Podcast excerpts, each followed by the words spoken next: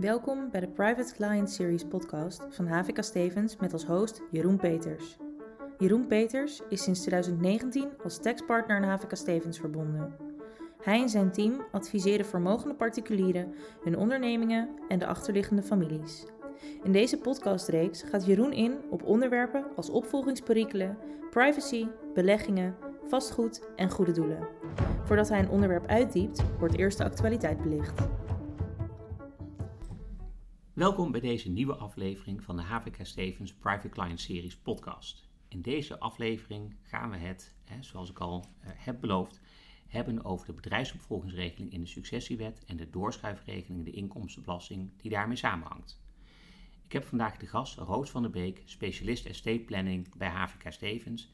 En met haar ga ik dit over dit onderwerp hebben. Welkom Roos. Dankjewel. Dankjewel voor de uitnodiging. We hebben natuurlijk vaak al bij de koffie af en toe uh, gesprekken over, over de ontwikkelingen op dit, uh, op dit onderdeel. Uh, maar leuk dat ik nu hier in de podcast gast mag zijn. Ja, hè? leuk. En Roos, misschien voordat we het over die bedrijfsopvolgingsregeling hebben. Vorige week is, heeft het Hof van Justitie van de Europese Unie een belangrijke uitspraak gedaan over het UBO-register. Als ik me niet vergis, heeft het Hof geoordeeld dat de publieke openbaarheid van het register dat die in strijd is met allerlei grondrechten die gewaarborgd worden door het EU-recht. Jij houdt je ook bezig met dat onderwerp. Kun je daar wat, misschien wat meer over zeggen? Ja, zeker. Um, nou, de zaak, het is een Luxemburgse zaak. Hè. een uh, Luxemburgse rechter die daar naar het Hof van Justitie uh, vragen heeft gesteld. de situatie is niet helemaal vergelijkbaar met, met het Nederlandse UBO-register, maar wat wel een belangrijk punt is, waarom dit ook in Nederland ook invloed heeft op het Nederlandse UBO-register, is uh, dat hier inderdaad is gesteld dat die, uh, het, het, voor iedereen, uh, voor, ook voor derden, mensen zonder, niet alleen journalisten, maar ook gewoon burgers, nieuwsgierige burgers, het UBO-register toegankelijk moet zijn, dat dat inderdaad niet geldig is. nou, er is snel een reactie gekomen van, van minister Kaag, dus vooralsnog is het UBO-register niet meer voor iedereen te raadplegen. nou ja, er zijn cliënten die we hierover hebben geïnformeerd natuurlijk wel blij met deze ontwikkelingen. Dat zal je ook eh, ongetwijfeld hebben gehoord. Ja, ja zeker. De vraag is natuurlijk een beetje hè, of, of het uh, niet toegankelijk blijft. De vraag is wat de impact gaat zijn. Maar vooralsnog, eh, in ieder geval alle reacties van cliënten zijn, zijn over het algemeen positief. En, en, en, ik begrijp dat ook, hè, want waarom moet nou die nieuwsgierige burger die je al aanhaalde, waarom moet die nou in het register kunnen kijken wie, wie de aandeelhouder is, of wie de uiteindelijke gerechtigde is van een, van een vennootschap onderin de structuur? Zeker, ja. Dus we gaan de komende dagen, weken, uh, gaan we horen wat hier, uh, welk vervolgjaar wordt gegeven. Ja. Maar goed, hè, laten we teruggaan naar het, uh, naar het hoofdonderwerp. Hè, de bedrijfsopvolgingsregeling en de doorschuifregeling in de inkomstenbelasting. Hele belangrijke onderwerpen die de laatste tijd veel de aandacht hebben gekregen. Kun je daar misschien wat meer vertellen? Ja, ik denk het wel goed is om eerst even kort de achtergrond uh, van deze regeling uh, te schetsen. En wat houdt deze regeling nu eigenlijk in? We hebben het vaak, nou, in de kranten zie vaak de bedrijfsopvolgingsfaciliteiten of de fiscale vrijstellingen. Maar waar, hebben we het nou eigenlijk over? Um, nou, inderdaad, je gaf het al aan, de doorschuifregeling in de, in de inkomstenbelasting. in principe bij een schenking of een vererving is een vervreemding of een fictieve vervreemding van je aanmerkelijk belang aandelen. We hebben het hier even over een onderneming die de, of een, aan, een ondernemer die de onderneming drijft uh, via, een, uh, via een BV of een andere rechtspersoon. In principe reken je dan bij zo'n schenking of een vervreemding af over jouw aanmerkelijk belangclaim. Dus eigenlijk de meerwaarde uh, die je zelf hebt opgebouwd in de onderneming. Um, en wordt het verschil tussen hetgeen wat jij er ooit hebt ingestopt en de waarde economisch verkeer op dat moment wordt belast met, met inkomstenbelasting dit moment nog 26,9 procent, maar vanaf 2024 uh, eh, een toptarief van, uh, van 31 procent.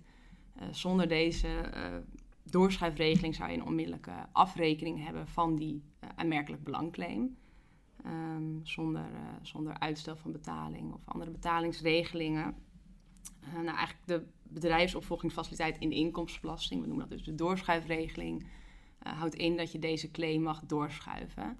Eh, naar de verkrijger. Dus bijvoorbeeld jouw kinderen aan wie jij de aandelen schenkt of uh, degene die de aandelen van jou erven. Dus die claim die verdwijnt niet. Exact. Hij blijft gewoon in stand voor hetzelfde bedrag. Hij gaat alleen over op de volgende generatie.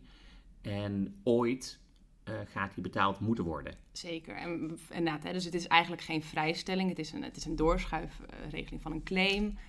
Um, hè, willen de volgende generatie bijvoorbeeld grote dividenduitkeringen um, doen, hè, die boven, die, uh, uh, ja, boven jouw uh, verkrijgingsprijs gaan, dan wordt daar zeker nog steeds gewoon afgerekend. Oké. Dus de claim blijft in stand voor de, voor de Belastingdienst en voor de overheid. Hey, en dat is de doorschuifregeling, hè, de bedrijfsopvolgingsregeling in de inkomstenbelasting. En voor de schenk- en erfbelasting, daar kennen we de regeling ook. Zeker. Dat is eigenlijk de bedrijfsopvolgingsregeling. Uh, nou, niet de maar de bedrijfsopvolgingsregeling. Um, en dit is een voorwaardelijke vrijstelling. Dus als we het over de vrijstellingen hebben, hebben we het eigenlijk over de successiewet, hè, de schenk- en erfbelasting.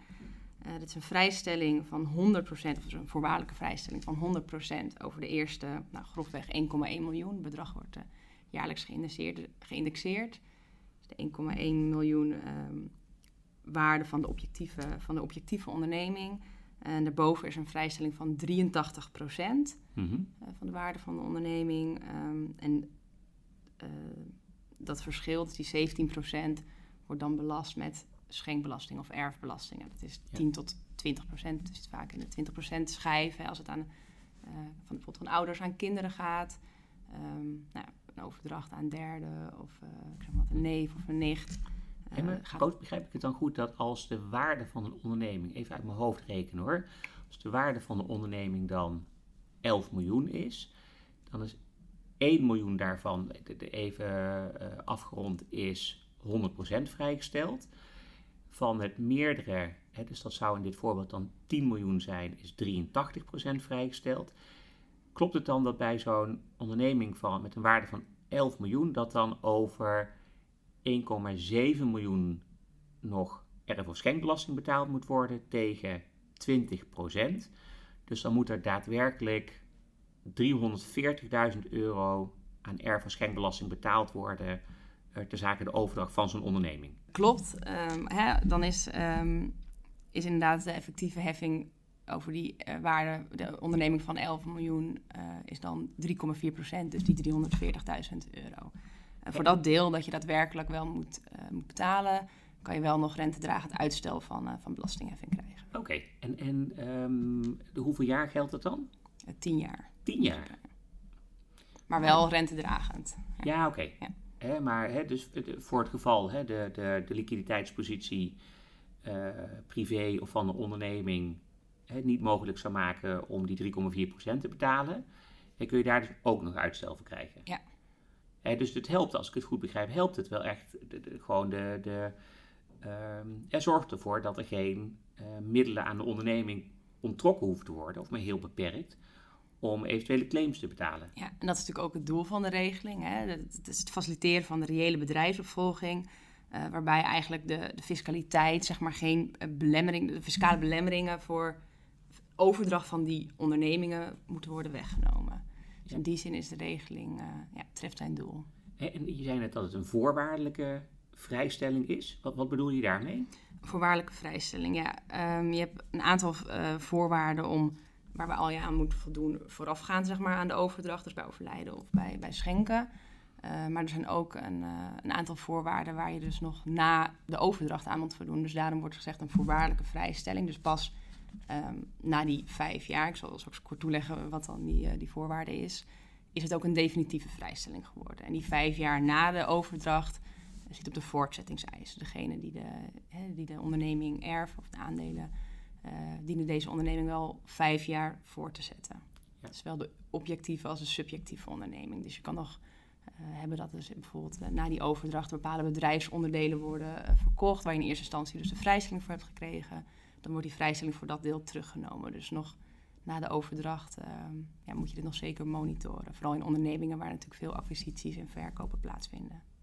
Maar uiteindelijk, hè, dat al die faciliteiten, als ik het zo hoor, hè, die, die zorgen heel erg voor dat alleen maar echt reële bedrijfsoverdrachten worden gefaciliteerd. Zeker, dat is natuurlijk het doel van, uh, van de bedrijfsopvolgingsregeling. Nou, wat deze discussie uh, vooral heeft aangewakkerd is het IBO-rapport.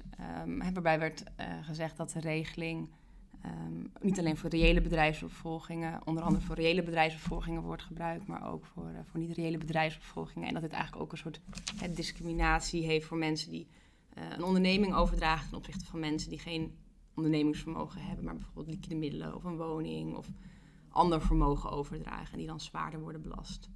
Maar is dat vanuit, vanuit het doel van de regeling ook? Hè? Je zei net, geloof ik, als ik me goed herinner, hè, het doel van de regeling is het, het faciliteren van een reële uh, bedrijfsopvolging. En, en, we bespraken hè, dat, uh, dat het belangrijk is dat de continuïteit van het bedrijf niet in gevaar komt en dat er daardoor geen middelen onttrokken hoeven te worden. Hè, bij, bij, bij het overdragen van beleggingsvermogen speelt, dat, speelt die continuïteit van de onderneming, die, die, ja, die speelt denk ik geen rol. Dus vanuit dat perspectief kun je misschien wel zeggen, ja, zo gek is het eigenlijk helemaal niet om die, uh, die, uh, die bedrijfsoverdracht te faciliteren. Zeker, zeker. Um, dat is ook wel geconcludeerd. De regeling is inderdaad uh, doeltreffend. dus net het, het, treft zijn doel. Dus uit het, komt uit het CPB-rapport uit april 2022. Uh, de regeling doeltreffend is dat inderdaad er geen dat de fiscale belemmeringen voor een bedrijfsoverdracht zijn, zijn weggenomen. Wat de continuïteit van een onderneming ten, ten gunste komt. Uh, wat hier wel wordt gezegd en welke kritische noot hier eigenlijk wordt gesteld, is de vraag of de regeling doelmatig is. Um, waarbij dus wordt gezegd dat in veel gevallen er genoeg middelen zijn, dus niet ondernemingsvermogen, maar andere middelen, zoals beleggingsvermogen of privévermogen, waarbij die claim ook had kunnen worden betaald. Um, hier zijn natuurlijk wel wat vraagtekens bij te zetten. Um, want ja, waarom zou dat andere vermogen, zeg maar, de regeling is voor de continuïteit van de onderneming, van het ondernemingsvermogen, waarom worden daar dan de andere middelen uh, bij gehaald? Uh, enerzijds en anderzijds um, dat, dat de claim op dat moment betaalbaar is. ja, neem niet weg dat er nog niet is getoetst zeg maar, wat, wat dat voor de langere termijn, voor de continuïteit van de onderneming doet. Ja. Dus daar bijvoorbeeld ook uh, overtollig liquide middelen uit de onderneming moeten worden gehaald om uh, bepaalde claims te voldoen. Ja, het kan natuurlijk het weerstandsvermogen van zo'n onderneming aantreffen. Exact, ja. Als ik het goed begrijp, hè, wordt er eigenlijk gezegd dan dat, dat de fiscale faciliteit gunstiger is dan per se noodzakelijk. Ja. En is dat dan een beetje waar, waar, waar de discussie over gaat? Of zijn er, zijn er ook nog andere uh, punten waar, waar de discussie over gaat? Uh, nou ja, wat je nu uh, recent in de, uh, ook in het UBO vermogensverdelingrapport en vooral in de, in de bijlage daarbij met een, met een opsomming van, um, zoals ze dat daar dan noemen, opmerkelijke belastingconstructies werd genoemd. Dus ook het oneigenlijk gebruik van de bedrijfsopvolgingregeling. de regeling um, met al haar voorwaarden is bedoeld voor hè, de reële bedrijfsopvolging van een actieve onderneming, geen, geen beleggingsvermogen, nou, vastgoedondernemingen, daar is natuurlijk sowieso een discussie over of dat een, um, ja, een onderneming zeg maar, is waarvoor de bedrijfsopvolgingsregeling is bedoeld. Uh, maar met oneigenlijk gebruik uh, bedoelen ze eigenlijk hè, mensen die in het zicht van, een, van het schenken van vermogen aan een volgende generatie of, zo, of in het zicht van overlijden, uh, beleggingsvermogen of, of liquide middelen omzetten in een onderneming om te kunnen gebruik te kunnen maken van deze bedrijfsopvolgingsregeling. Wat ik wel eens begrepen heb, hè, is dat een jaar of. Kijk, de huidige regeling kennen we sinds 2010, als ik het goed heb. Ja. Um, en, en, toen werd er wel eens gezegd, en, en ik weet dat, dat verschillende banken die waren daar destijds ook mee bezig. En toen werd er gezegd van, nou, um, um, de, de, faciliteit is uh, beschikbaar op het moment dat je een aanmerkelijk belang in een materiële onderneming hebt. En toen werd wel gekeken van, kan ik nou niet een 5% belang in een materiële onderneming op de beurs kopen? En als ik dat nou maar uh, voor mijn overlijden doe, ik geloof dat je dat er minimaal, als ik het goed heb, één jaar uh, voor je overlijden moet doen. Dan laat ik die, die beursgenoteerde aandelen uh, die vererven. En als mijn kinderen dan ook nog vijf jaar die aandelen aanhouden, dan gaat die overdracht gaat eigenlijk vrij, of niet vergrotendeels vrij van erfbelasting ik, ik, had daar zelf altijd het idee bij van ja, maar dan, dan heb je een fiscale faciliteit, maar je hebt wel zes jaar exposure aan één onderneming, hè, waar je niet in een bestuur zit, waar je geen commissaris bent, uh, moet je dat wel willen. Maar zie, zie jij dat soort structuren in de praktijk of is dat meer, meer borrelpraat dan iets anders? Ja, ik denk dat laatste. Um, ik denk dat, dat sowieso de bedrijfsopvolging vaker in gesprekken wordt, uh, het wordt vaker in gesprekken met cliënten genoemd. Van heb je al gekeken naar bedrijfsopvolgings faciliteit kunnen we daar gebruik van maken. Maar in hoeverre nou en een onderneming, maar ook de aandeelhouder en de kinderen, de hele familie aan alle voorwaarden voldoet, is dat denk ik soms nog best beperkt. En het is, dit is geen faciliteit voor korte termijn planning en een hapsnap. ik zet vermogen om. Hier moet je natuurlijk wel een aardig wat voorwaarden voldoen. Wil je ook echt gebruik van kunnen maken, vooral bij schenken.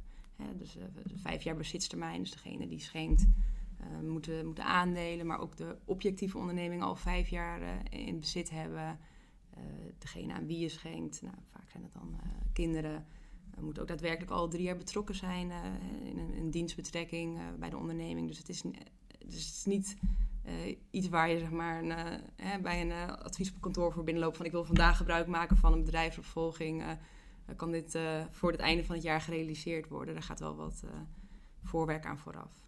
En je noemde al even de, de dienstbetrekkingseis. Hè, drie jaar. Je moet drie jaar voorafgaande aan schenking, of geldt het ook bij overlijden, in dienst zijn. Kun je daar wat meer over vertellen? Klopt, de geldt, geldt niet bij overlijden, maar inderdaad wel uh, bij schenking. Omdat nou ja, overlijden is natuurlijk uh, ja, een live event wat je niet, uh, over het algemeen niet, niet plant. in tegenstelling tot een schenking. kinderen moeten drie jaar, of, ik heb het nu even over kinderen, maar hè, de, de verkrijger moet drie jaar inderdaad in dienstbetrekking zijn bij, bij de onderneming, de holding of een, of een werkmaatschappij. Um, daar zijn verder geen, uh, worden geen materiële vereisten uh, aangesteld. Uh, bij het wetsvoorstel in 2010 was dat nog wel, zodat het om een bestuursfunctie of een commissariaatfunctie moest gaan. Maar dat is uiteindelijk door veel kritiek uit het wetsvoorstel geschrapt. Um, dus hoe je die dienstbetrekking invult en om hoeveel FTE's en om wat voor soort functie dat gaat, zijn geen verdere vereisten aan verstel. Uh. Dus een, een nulurencontract uh, gedurende drie jaar voorafgaande aan de schenking. Eh, en misschien uh, een uurtje of twee per jaar wat administratieve mm. werkzaamheden verrichten. Dat, dat zou dus voldoende moeten zijn. Die wordt wel erg dun. Je ziet ook dat de Belastingdienst daar wel zeker de laatste tijd een wat meer materiële uitleg aan, aan zal geven. Dus ik zal cliënten altijd aanraden om dan ook de, die verkrijgers daadwerkelijk bij de onderneming te betrekken. Maar kijk, bij jonge kinderen die kunnen natuurlijk ook niet elke functie nog uitvoeren. Het moet ook wel, je wil ze ook wel erg betrekken waar ze ook daadwerkelijk, zeg maar, die functie kunnen vervullen. Dus daar, dat dat dan, zeg maar, een, een schoonmaakbaantje is of achter de kassa. Om zo het bedrijf te leren kennen, dat is zeker mogelijk. Oké, nou dat is wel heel interessant. Um, en en um, en dan was er voorafgaande aan Prinsjesdag, was er heel veel discussie en er waren allerlei klanten die, die, die het gesprek aan wilden gaan. Kan ik nog voor Prinsjesdag, kan ik nog iets doen? Moet ik nog iets doen? Uh, want ik hoor allerlei verhalen over dat, uh, dat de regelgeving per 1 januari 24 gaat veranderen, of per 1 januari 23 zelfs al gaat wijzigen dat is bij Prinsjesdag is dat, die plannen zijn geen bewaarheid geworden. Er, is niet een, er zijn geen wijzigingen aangekondigd. Is, er, is, er toch, is er toch iets van een versobering al aangekondigd? Of zit die nog ergens diep verscholen uh, in bureaulades op het ministerie? nou, Prinsjesdag is er één versobering aangekondigd, of een versobering, misschien een verduidelijking, want uh, dat is hè, voor de vastgoedondernemingen, dat verhuurd vastgoed in principe niet voor deze faciliteiten in aanmerking komt. Daar was in de praktijk al veel discussie over, nou, zoals jij misschien ook al weet, hè, met de Belastingdienst. Hoe, ja, en het WOP-verzoek van de Belastingdienst, waar al blijkt dat ja, de Belastingdienst hier eigenlijk in ieder geval niet happig op was om hier goedkeuringen vooraf voor te geven. Dus ik zag ook veel procedures over deze ja, vastgoedondernemingen. Um, daar is dus nu wel aangekondigd dat dat voor, voor, verhuurd vastgoed, is wat anders dan projectontwikkeling, mm -hmm. deze faciliteit, die niet meer voor deze faciliteit in aanmerking komen. Ja. Verder wachten we natuurlijk nog op de brief ehm, van de staatssecretaris, waarbij die ook ingaat op het CPB-rapport en ja, ten aanzien van de bedrijfsopvolging. Maar vooralsnog uh, zijn er geen concrete geluiden. Maar die angst heerst zeker bij, bij cliënten. En die brief die zou, als ik het goed heb gelezen, nog dit jaar moeten komen. Dan zeggen klanten die, die bellen en die zeggen: Moet ik dit jaar nog iets doen? Um, wat, wat vind jij daarvan? Um, nou ja, he, na die brief zal dit jaar komen. Of die gaat komen, weten we nog niet. Maar het is natuurlijk sowieso goed om, uh, mocht, uh, mocht je denken aan een bedrijfsoverdracht, uh, ehm, aan, aan, de volgende generatie of aan anderen om daar sowieso voort, op voor te sorteren en kijken of je al aan alle voorwaarden voldoet en een en ander in gang te zetten. Dus ik zou sowieso aanraden om daar wel actief mee bezig te gaan. en mocht de cliënt dat nog niet zijn en een adviseur te laten kijken um, ja, hoe je er op dit moment voor staat. Um, ja, is de structuur zeg maar, klaar voor een, uh, voor een mogelijke overdracht. En begrijp ik het dan goed dat je ook zegt van hè, de, de, pak dat nou uh, sneller dan, liever sneller dan later op. Hè, en, en, neem gewoon, of dat nou dit jaar is of begin volgend jaar, neem zo snel mogelijk contact op met, uh, met een adviseur. Ga erover nadenken en maak er gebruik van nu het nog kan. Is dat dan een beetje de conclusie? Zeker, ja maak het al concreet. Um, kijk of er nog wijzigingen nodig zijn. En um, wacht zeker niet, uh, niet te lang. Want we hebben, we hebben het al een aantal jaar. Hè, deze wordt er al natuurlijk, uh, zijn al geruchten over een verzobering. Maar het wordt wel, uh, nou ja, de kans dat dat zeg maar, op korte termijn komt, wordt natuurlijk wel steeds groter. Ja. Ik denk ook, hè, uiteindelijk, je leest nu aan alle kanten dat, hè, dat de overheidsuitgaven de pan uitlopen, de rentelasten stijgen. Hè, dus er moet weer er moet geld opgehaald worden. En ik heb sterk het idee dat hè, vermogende particuliere ondernemers, de directeur, groot aandeelhouder, dat die op dit moment onder het vergrootglas uh, liggen hè, als, als de partij waar, waar nog geld te halen is. dus, dus in dat kader zou ik het helemaal niet gek vinden als de faciliteiten allemaal verzoberd gaan worden. Zeker, het ziet ook met de stijgende, stijgende tarief voor de aanmerkelijk belangheffing. Um ja, dan is, hè, dan is zo'n doorschuifregeling waarbij die claim eh, kan worden doorgeschoven, komt natuurlijk steeds meer onder druk te staan. Hey, en, en, misschien dan een laatste vraag, hè, die, waar, waar ik ook wel eens mijn klanten over spreek. Hè. Sommige klanten die hebben dan een, een soort ja, overnamekas in, in de onderneming. Hè, gewoon liquiditeiten die, die wel ge, geoormerkt zijn om in de onderneming te besteden, maar dat nog niet zijn wat, wat is in dat kader wijsheid? Is in dat kader wijsheid om zo snel mogelijk om je heen te kijken en nog iets te kopen? Of, of zou je zeggen van he, ga nou eerst met je adviseur praten? Ja, dit is uh, inderdaad een van die, van die vereisten. Uh, is de bezitstermijn, hè, dat jij je onderneming, de objectieve onderneming, ook de subjectieve onderneming, vijf jaar in bezit moet hebben voordat jij uh, gaat schenken. Bij overlijden is het één jaar, bij schenken vijf jaar. Um, nou, zaken als zo'n overnamekas, acquisities, uh, is het activa passiva, is het een heel nieuw bedrijfsonderdeel, ga je het integreren in jouw huidige onderneming? Um, ga daar vooral ook in gesprek over met jouw adviseur. Want het, om het voorbeeld te noemen van de overnamekas, die kwalificeert. Hè, als dat echt een, uh, een concrete overnamekas is. Um, en onder ondernemingsvermogen creëert het wel voor, voor jou, uh, voor de bedrijfsopvolgingsfaciliteiten. Terwijl een net aangekochte nieuw onderdeel van jouw onderneming of een overname in bepaalde gevallen niet, niet kwalificeert. Dat is natuurlijk eigenlijk niet hoe de regeling uh, bedoeld zou moeten zijn. Het is een regeling uh, voor de reële bedrijfsopvolgingsregeling. Nou, ik denk dat acquisities um, ook horen bij een reële onderneming. Hè. Dat, is, uh, dat zijn ondernemingsbeslissingen. Er zouden geen fiscale belemmeringen moeten zijn. Maar door de huidige wetgeving, het beleid van de Belastingdienst en ook de stand van de jurisprudentie, ja, zijn die fiscale belemmeringen er wel. En zie je dat het wel verstandig is om daar toch ook in gesprek over te gaan. En misschien dus met zo'n overname te wachten tot na de overdracht. Um, wat misschien niet zo zou moeten zijn, maar zo pakt hij op dit moment op sommige vlakken wel uit. Ja. In ieder geval de, de, de denk ik, hè, van het alles dat het gewoon een buitengewoon complexe regeling is. Hè, waar, waar, veel haken en ogen uh, aan zitten. Hè, die, die lang niet in alle gevallen uh, gebruikt kan worden. En als die gebruikt kan worden, kijk dan of je er zo snel mogelijk gebruik van kunt maken. want zo gunstig als die nu is, zo zal die waarschijnlijk niet meer zijn. Is, is dat een beetje de, de takeaway? Ik vind het een mooie samenvatting. Ja, nou, dankjewel. Ja, dankjewel uh, voor het gesprek. En uh, altijd leuk om hier uh, ook eens over te filosoferen welke kant het opgaat of wat dan wenselijk recht is. En we zijn benieuwd wat, wat de ontwikkelingen gaan zijn. luister ook naar onze volgende aflevering van de HVK Stevens Private Client Series podcast volgende afleveringen zullen we het onder meer gaan hebben over uh, sustainable investeren en, en, dat soort zaken. Dus uh, luister naar de afleveringen en uh, indien u vragen heeft, neem gerust contact met ons op. Um, op de website kunt u al onze contactgegevens vinden. Hartelijk dank voor het luisteren.